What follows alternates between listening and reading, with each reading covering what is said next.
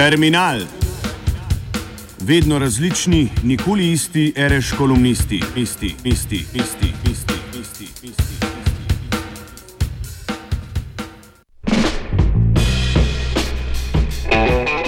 Skrajna oblika cenzure.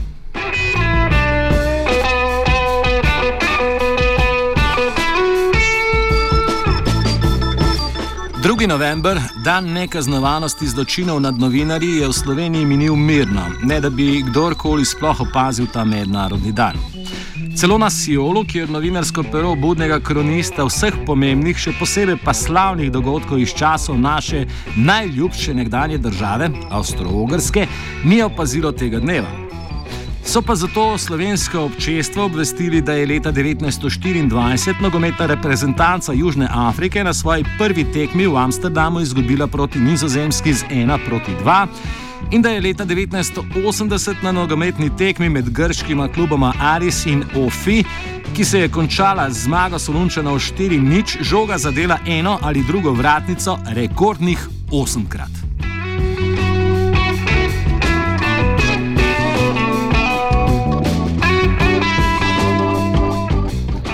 Kljub temu pa so novinarje samo v lanskem letu po vsem svetu tako ali drugače zadeli ali prizadeli bistveno večkrat.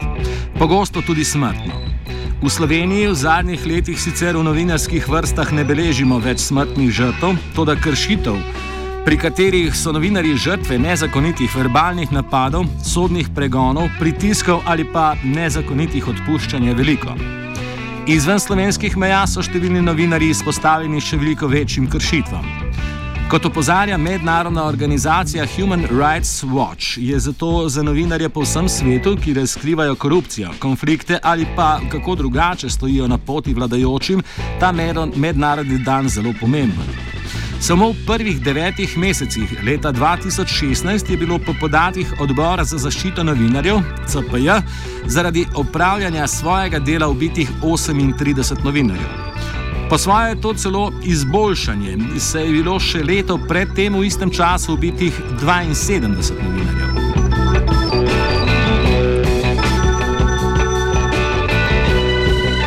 Najbolj nevaren kraj za novinarje je še vedno Sirija, v kateri je umrlo deset novinarjev, od tega jih je bilo šest ubitih strani pripadnikov tako imenovane islamske države. Kot povdarja odbor za zaščito novinarjev, je umor skrajna oblika cenzure. Po podatkih UNESCO okoli 51 odstotkov novinarjev umre v oboroženih spopadih, tudi podatki istočasno kažejo, da je kar 95 odstotkov novinarskih žrtev tarča umorov v lokalnem okolju kar kaže na zelo visoko nevarnost, ki so ji izpostavljeni tudi tisti novinari, ki razkrivajo korupcijo in različne kršitve izven območij oboroženih konfliktov.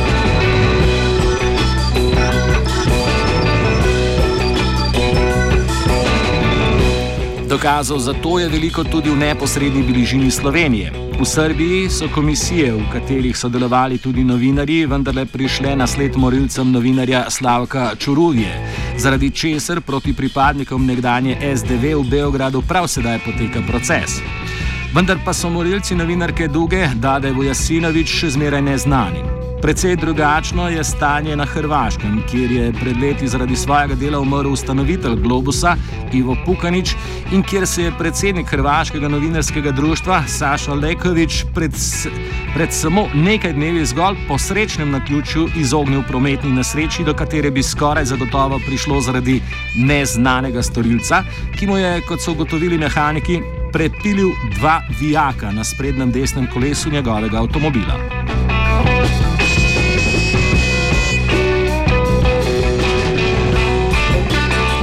Službeno sem potoval v Novi Sad in že med vožnjo občutil, da težko nadzorujem avtomobil. Po okoli desetih kilometrih po vstopu v Srbijo sem se moral ustaviti in poklicati službo za vleko.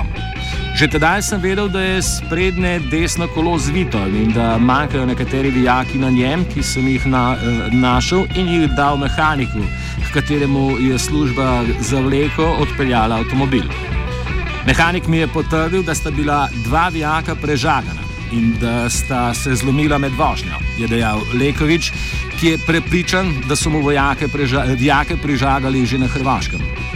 Hrvaško novinarsko društvo je ob tem opozorilo, da je ta dogodek eh, samo kulminacija verbalnih napadov in najhujših žalitev na račun predsednika Hrvaškega novinarskega društva. Kolega Saša Lekovič, ki je že od dneva, ko je nastopil mandat predsednika Hrvaškega novinarskega društva, neprestano izpostavljen javnemu linču nekaterih portalov, na katerih ga javno žalijo, napadajo in mu grozijo, medtem ko v komentarjih bralci pozivajo k njegovem uboju, so zapisali hrvaški novinarji.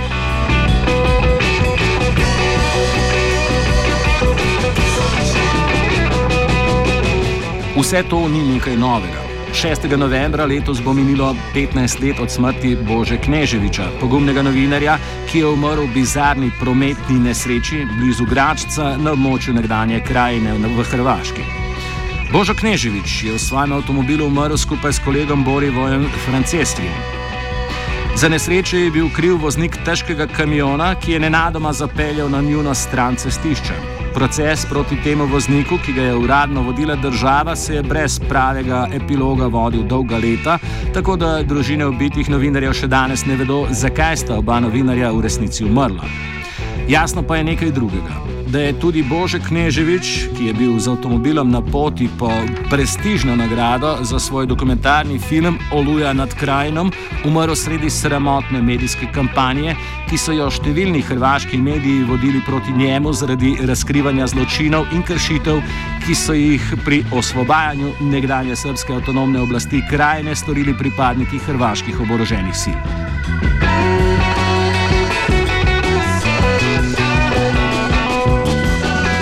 Božo Kneževic se na te kritike ni oziral, saj je, je, je bilo njegovo edino vodilo pri delu preprosto - odkrivanje resnice. Že po diplomi zunanje politike na Zagrebški univerzi je svojo novinarsko pot začel s snemanjem številnih dokumentarnih oddaj za Zagrebško televizijo. Ob začetku 90-ih je zaradi medijskih čist na hrvaški televiziji prestopil v televizijo Jutel, od leta 1992 naprej pa je bil samostojni novinar in je kot takšen z bojišč nekdanje Jugoslavije poročal za številne tuje televizije, kot so naprimer WTN London, Stern TV, Švicarska nacionalna televizija, Deutsche Welle, RTL, CBS, RFE in druge. Snemal pa je, je tudi za Pop TV in TV Slovenijo. Bil je na vseh prizoriščih spopadov od eh, Slovenije do Makedonije in veliko krat je samo za las ušel smrti. Svoja kamera je bil neprijetna priča številnih kršitev, pri tem pa je bil kot komentator in avtor zmeraj dosledno na strani žrtev. Vrhunec njegovega dela je predstavljal njegov film Oluja nad krajinom oziroma Nevihta nad krajino leta 2001.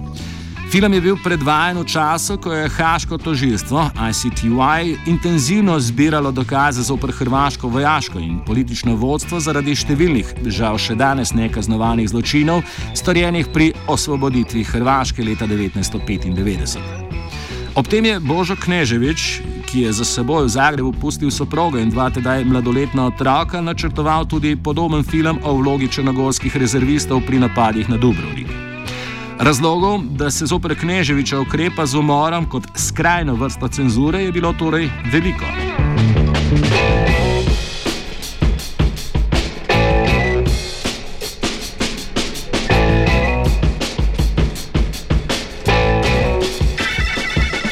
Nekaznovana storilca tega oboja in dejstvo, da je Božo Knežvič umrl na način, ki ima vse elemente karakterističnega podpisa, po katerem so bile znane vse jugoslovanske tajne službe, zato vzbuja resen sum v uradno različico smrti tega pogumnega novinarja.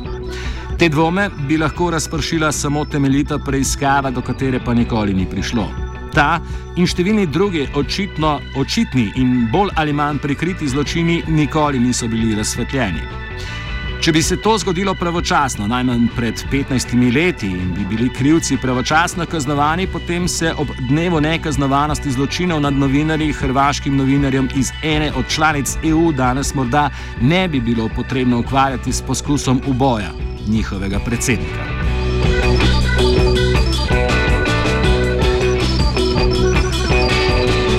Terminal je pripravil Igor Mekina.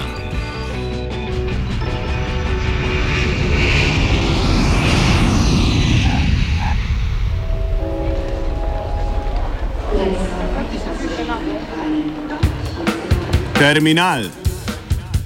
Vedno različni, nikoli isti, ereš kolumnisti, isti, isti, isti, isti.